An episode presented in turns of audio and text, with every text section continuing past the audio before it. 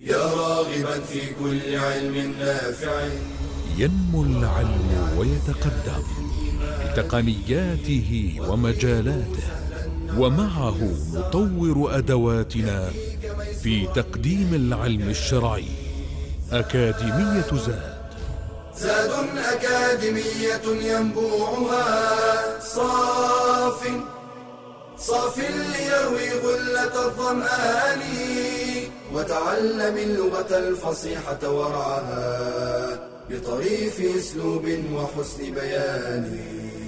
بشرى لنا زاد أكاديمية للعلم كالأزهار في البستان. بسم الله الرحمن الرحيم. الحمد لله رب العالمين والصلاة والسلام على نبينا محمد وعلى آله وأصحابه أجمعين. أما بعد فحياكم الله وبياكم أيها الإخوة والأخوات الكرام المتابعون لهذه الدورة في شرح اللغة العربية في أكاديمية زاد. نحن في الدورة الثانية وسنشرح إن شاء الله المستوى الرابع من مستويات اللغة العربية في أكاديمية زاد التعليمية. وفي هذا المستوى بإذن الله سيكون الشرح لستة أساليب من أهم الأساليب اللغوية في اللغة العربية مع الكلام على إعراب الفعل المضارع. وهذه الأساليب التي سنتناولها بإذن الله بالشرح والتوضيح هي أسلوب التعجب وأفعل التفضيل وألفاظ المدح والذم والتوابع الأربعة والنداء وأسلوب الشرط. وأما في إعراب الفعل المضارع فسنتكلم على رفعه ونصبه وجزمه. فنستعين بالله عز وجل ونبدأ في شرح هذا المستوى. مبتدئين بأول موضوع فيه وهو الكلام على أسلوب التعجب. التعجب من أساليب اللغة العربية ونقول في تعريفه إنه أسلوب يدل على الدهشة والاستغراب. فهو من الانفعالات النفسية التي يحتاج فيها العربي إلى أن يستعمل بعض الجمل لتدل على تعجبه من أمر حدث أو سيحدث. والذي يهمنا من ذلك هو ما يتعلق بالأسلوب من الناحية اللغوية والنحوية. فنقول إن التعجب في النحو على نوعين. النوع الأول هو التعجب السماعي والثاني هو التعجب القياسي. أما التعجب السماعي فمعناه أن العرب تستعمل جملا وصيغا تدل على التعجب ولكن هذه الجمل وهذه الصيغ ليست مضطردة وقياسية بل يوقف فيها حيث وقفت العرب.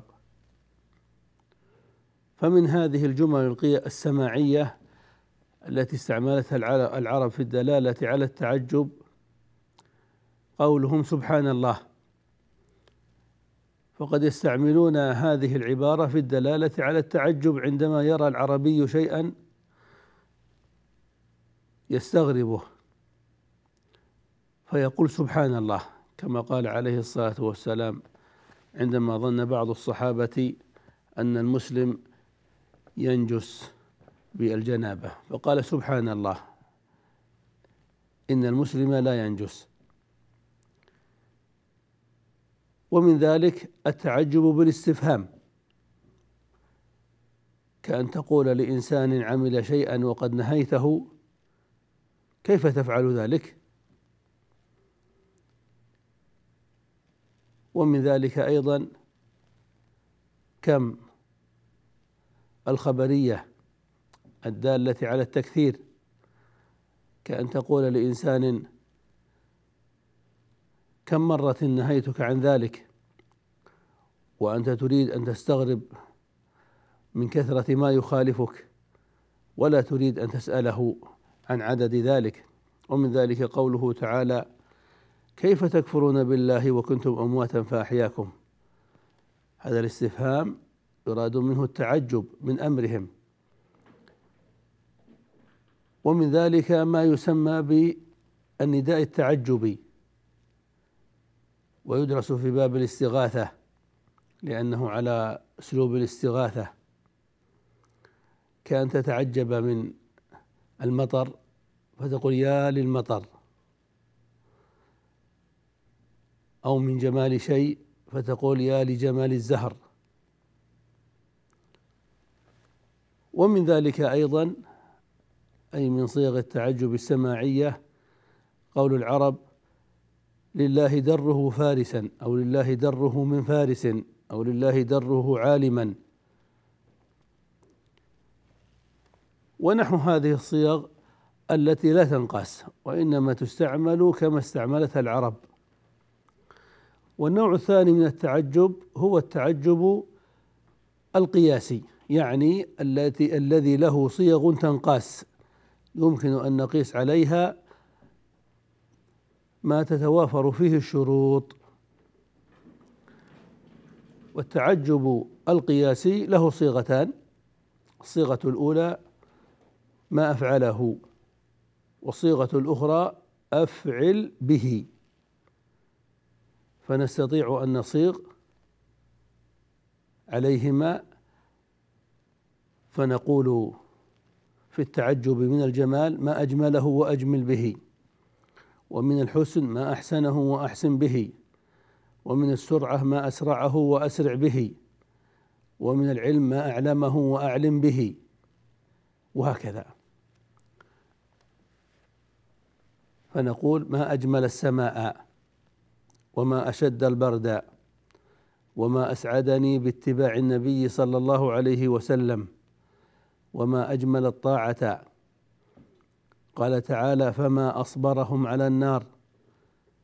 وقال قتل الإنسان ما أكفره.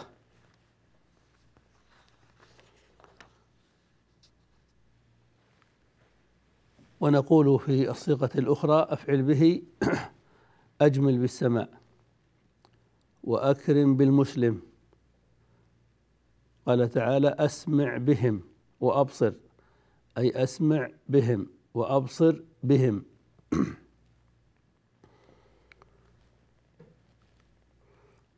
ثم نريد أن نتكلم على التعجب القياسي فهو الذي يحتاج إلى مزيد كلام. فنبين ما إعراب هاتين الصيغتين كيف نعرب ما أفعله وأفعل به ثم نتكلم أيضا على شروط ما ينقاس على هاتين الصيغتين. هاتان الصيغتان ينقاسان في أشياء معينة فنريد أن نعرف الشروط التي يجب أن تتوافر فيما ينقاس على هاتين الصيغتين. سنعرف ذلك بإذن الله تعالى بعد الفاصل فانتظرونا بإذن الله تعالى. بشرى لنا زاد أكاديمية للعلم كالأزهار في البستان.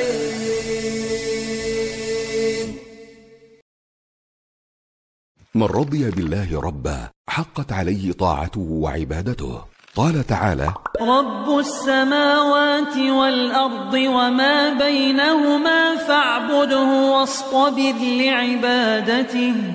والصبر على أداء الطاعات أكمل من الصبر على اجتناب المحرمات.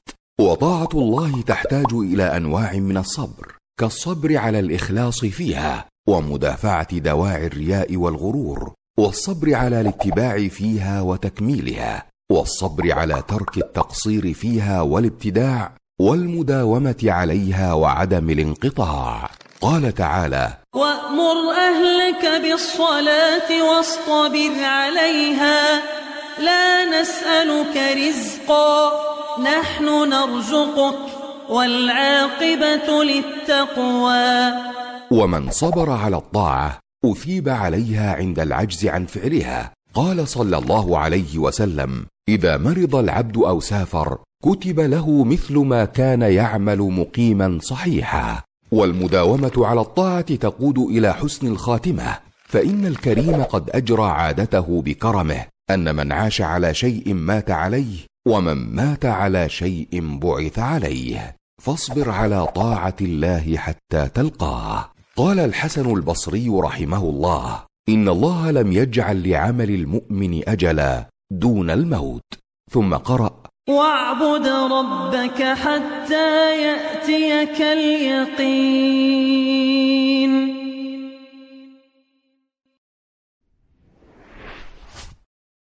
بشرى لنا زاد أكاديمية للعلم كالأزهار في البستان.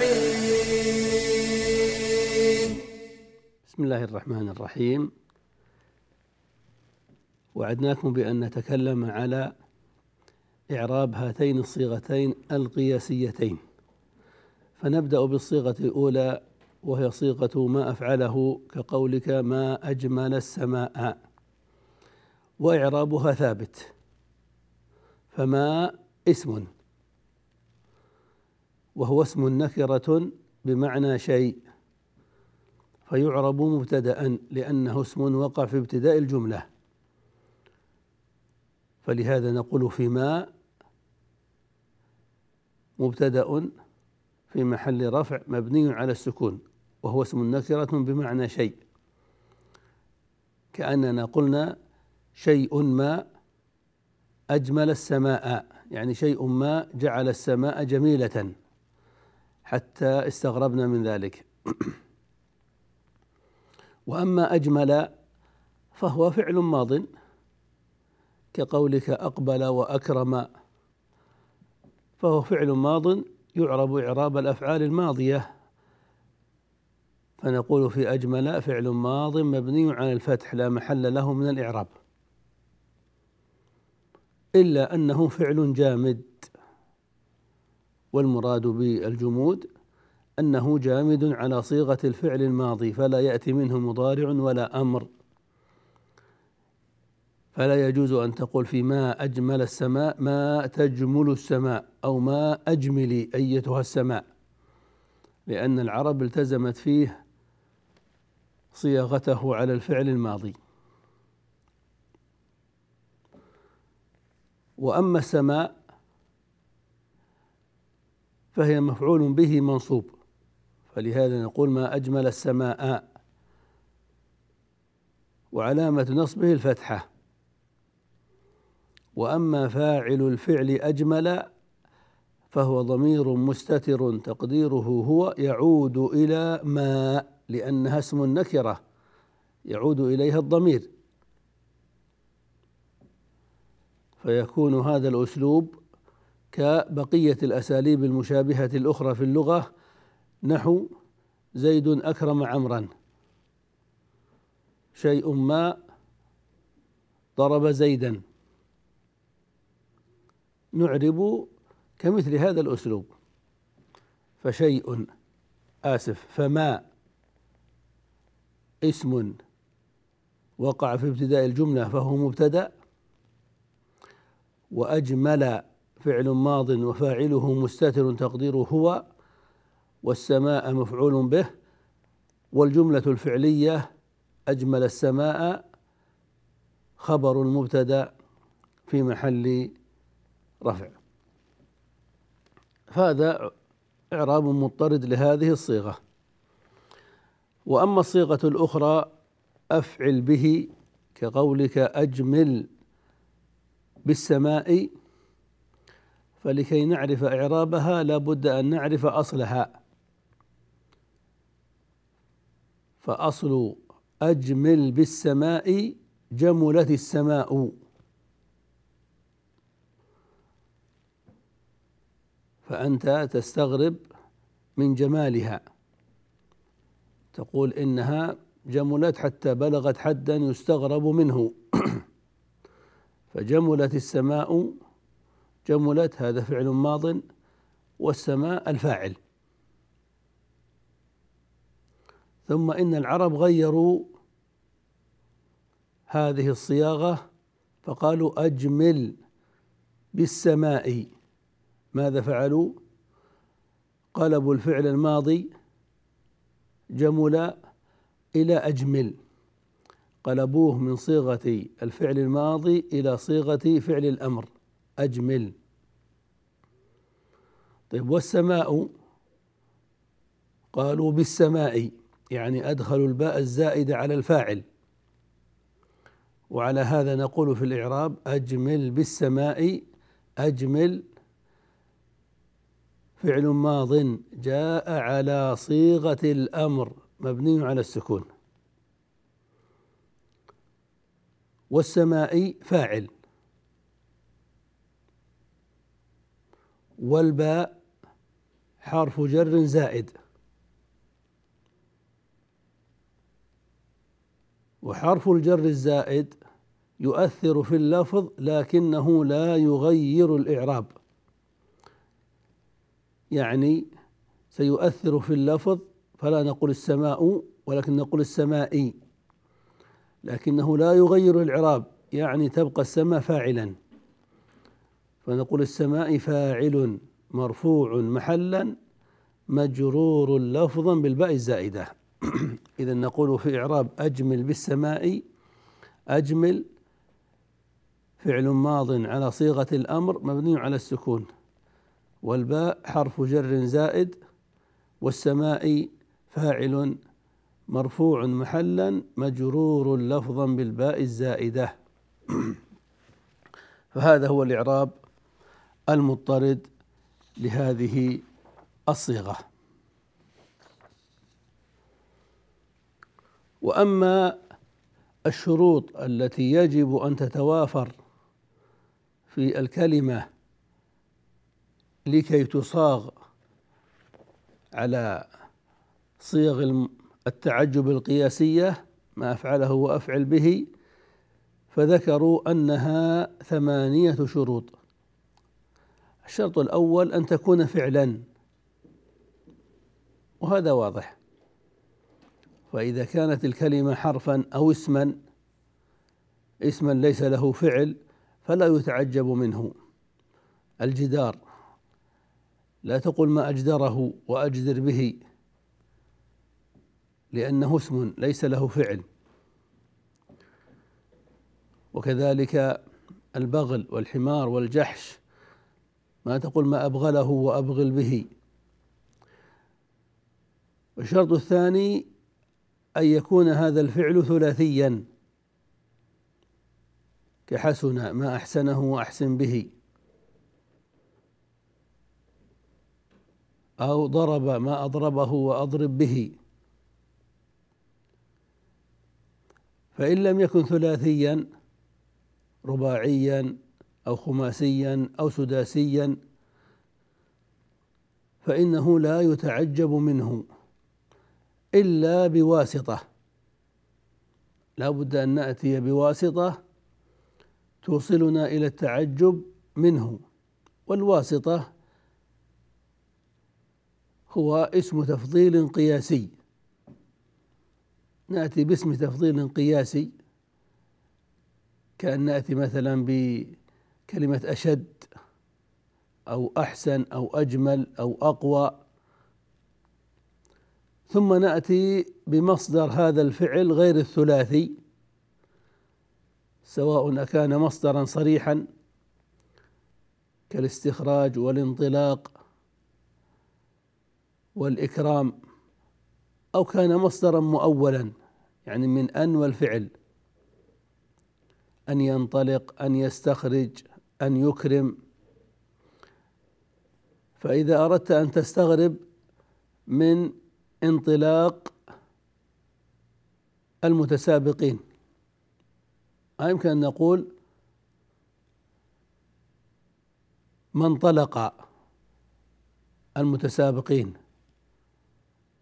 أو انطلق بالمتسابقين. ما ما يصاغ التعجب هكذا. لكن نقول ما أشد انطلاق المتسابقين أو أشدد بانطلاق المتسابقين. ما أحسن استخراج محمد. ما أكثر إكرام محمد. وهكذا. والشرط الثالث أن يكون هذا الفعل الثلاثي مثبتا يعني غير منفي. فلو كان منفيا كقولك لا يذهب أو ما أو ما ذهب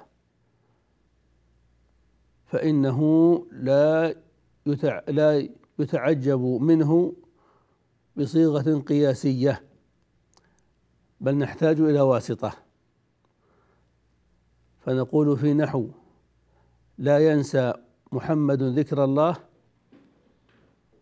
ما أحسن عدم نسيان محمد ذكر الله. فهذه ثلاثة شروط ونكمل البواقي بإذن الله بعد الفاصل. فانتظرونا. بشرى لنا زاد أكاديمية للعلم كالأزهار في البستان.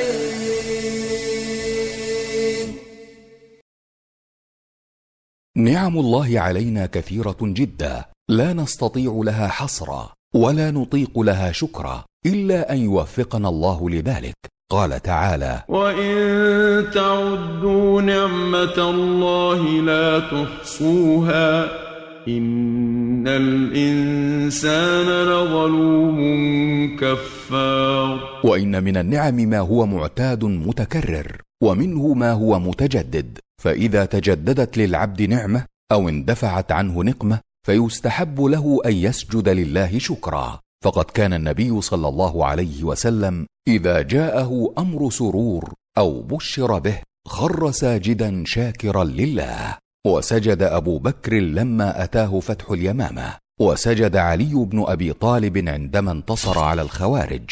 وسجد كعب بن مالك لما جاءته البشرى بتوبة الله عليه. وليس له حكم الصلاة فلا يشترط له طهارة ولا غيرها من شروط الصلاة. بل يسجد ويقوم بلا تكبير ولا تشهد ولا تسليم. ويقول في سجود الشكر سبحان ربي الأعلى ثلاثا أو أكثر ويدعو بما شاء كما يفعل في سجود الصلاة. فاحرص على شكر الله على نعمه وتعبد لله بذلك فإنما تحفظ النعمة بالشكر. قال تعالى وإذ تأذن ربكم لئن شكرتم لأزيدنكم ولئن كفرتم إن عذابي لشديد.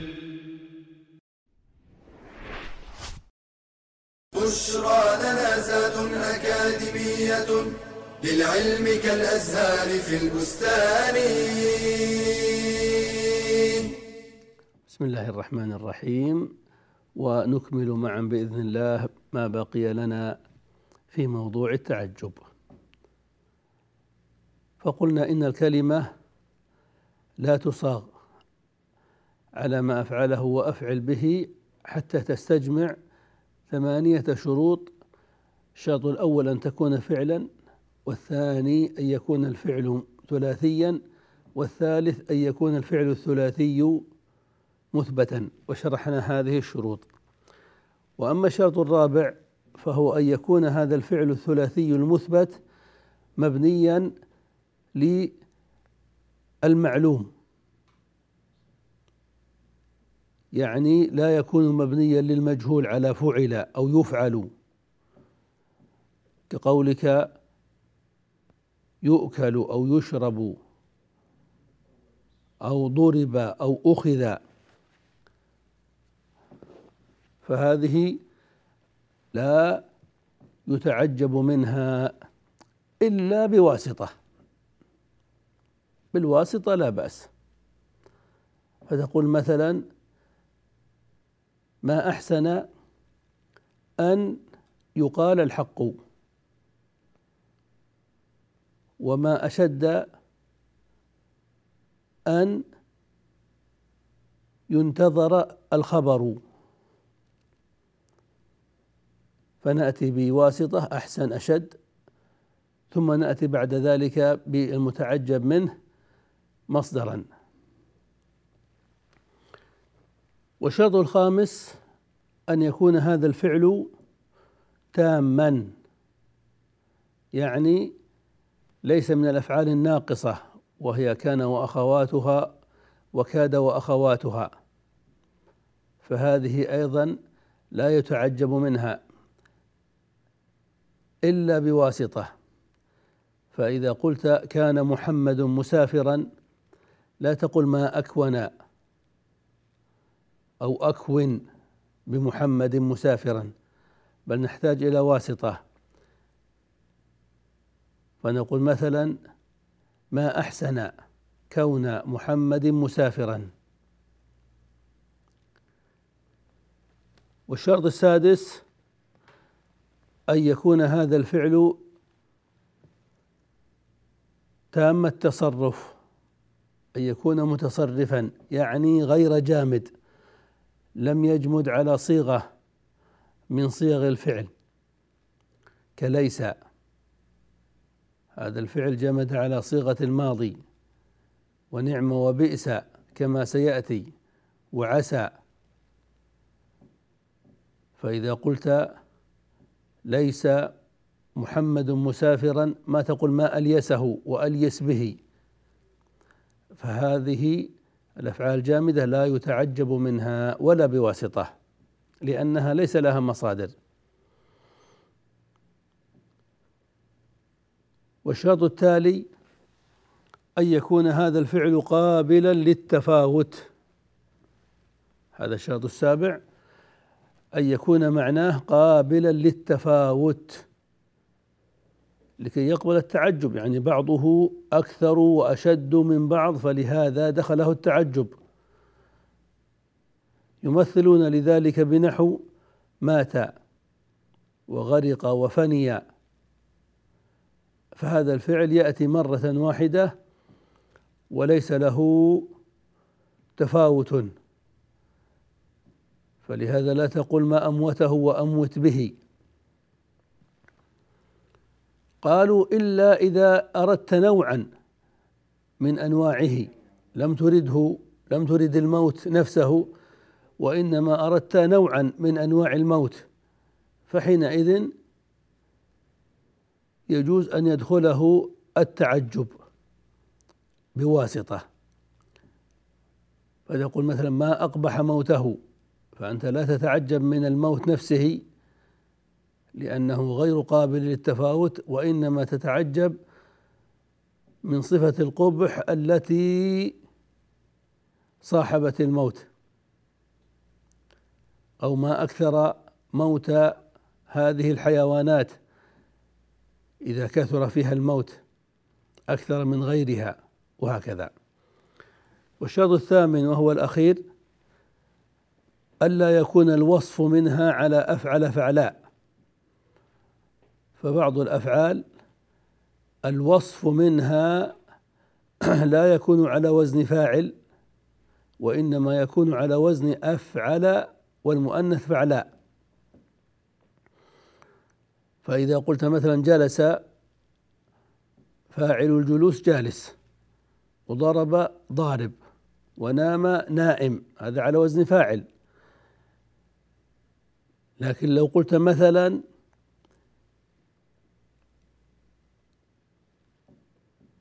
عرج أو عرج عرج زيد يعني أصابه العرج عرج زيد فزيد ما تقول عارج تقول أعرج. عرج زيد فهو أعرج والأنثى عرجاء.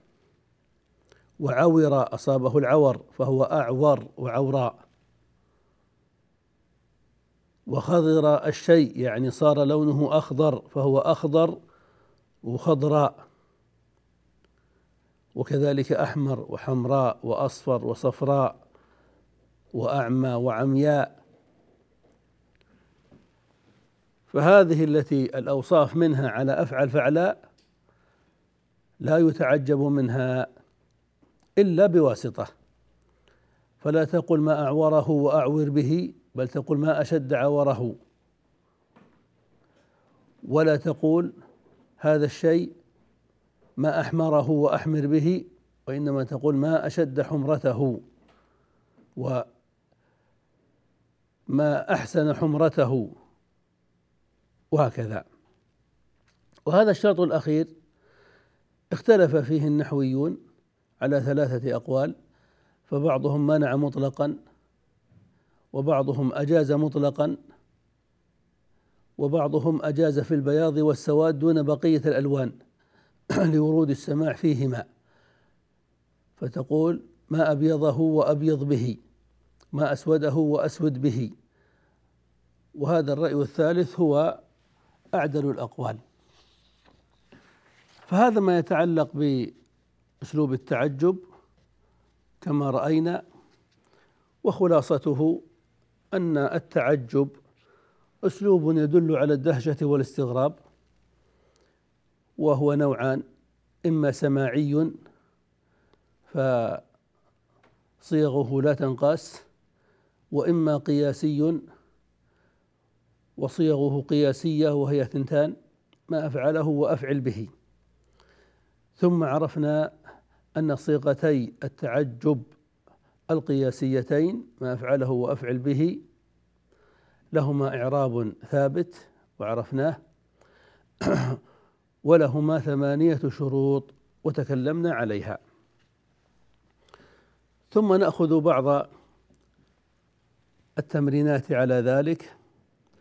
والتمرين الأول يقول استخرج مما يأتي أساليب التعجب وأعربها. ما أجمل الحياء فإنه خلق كريم. التعجب ما أجمل الحياء وهو على أسلوب ما أفعله مبتدأ وفعل وفاعل ومفعول به. وأجمل بالصدق هذا تعجب على الأسلوب الثاني فإنه خلق المؤمن. وما أروع الأمانة تعجب على الأسلوب الأول ما أفعله فإنه أصل التدين. وأكرم بمن يتخلق بهذه الأخلاق. أكرم بمن تعجب بالأسلوب الثاني أفعل به. السؤال الثاني تعجب من الجمل الآتية رحمة الله واسعة. نقول في الجواب ما أوسع رحمة الله أو أوسع برحمة الله. استطاع الإنسان الوصول إلى القمر. استطاع هذا ليس فعلا ثلاثيا فنحتاج إلى واسطة. فنقول ما أحسن أن يستطيع الإنسان الوصول إلى القمر؟ أبشع عمل قتل الآمنين. نقول ما أبشع قتل الآمنين؟ وهكذا. وبهذا نكون بحمد الله قد انتهينا من الكلام على أسلوب التعجب.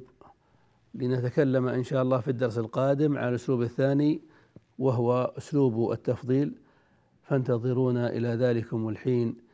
والله أعلم. صلى الله وسلم على نبينا محمد وعلى آله وأصحابه أجمعين. يا راغبا في كل علم نافع.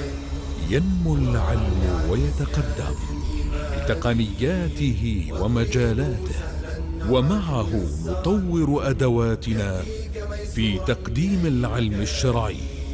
أكاديمية زاد. زاد أكاديمية ينبوعها. صاف صاف ليروي غلة الظمآن. وتعلم اللغة الفصيحة ورعاها بطريف أسلوب وحسن بيان. بشرى لنا زاد أكاديمية للعلم كالأزهار في البستان.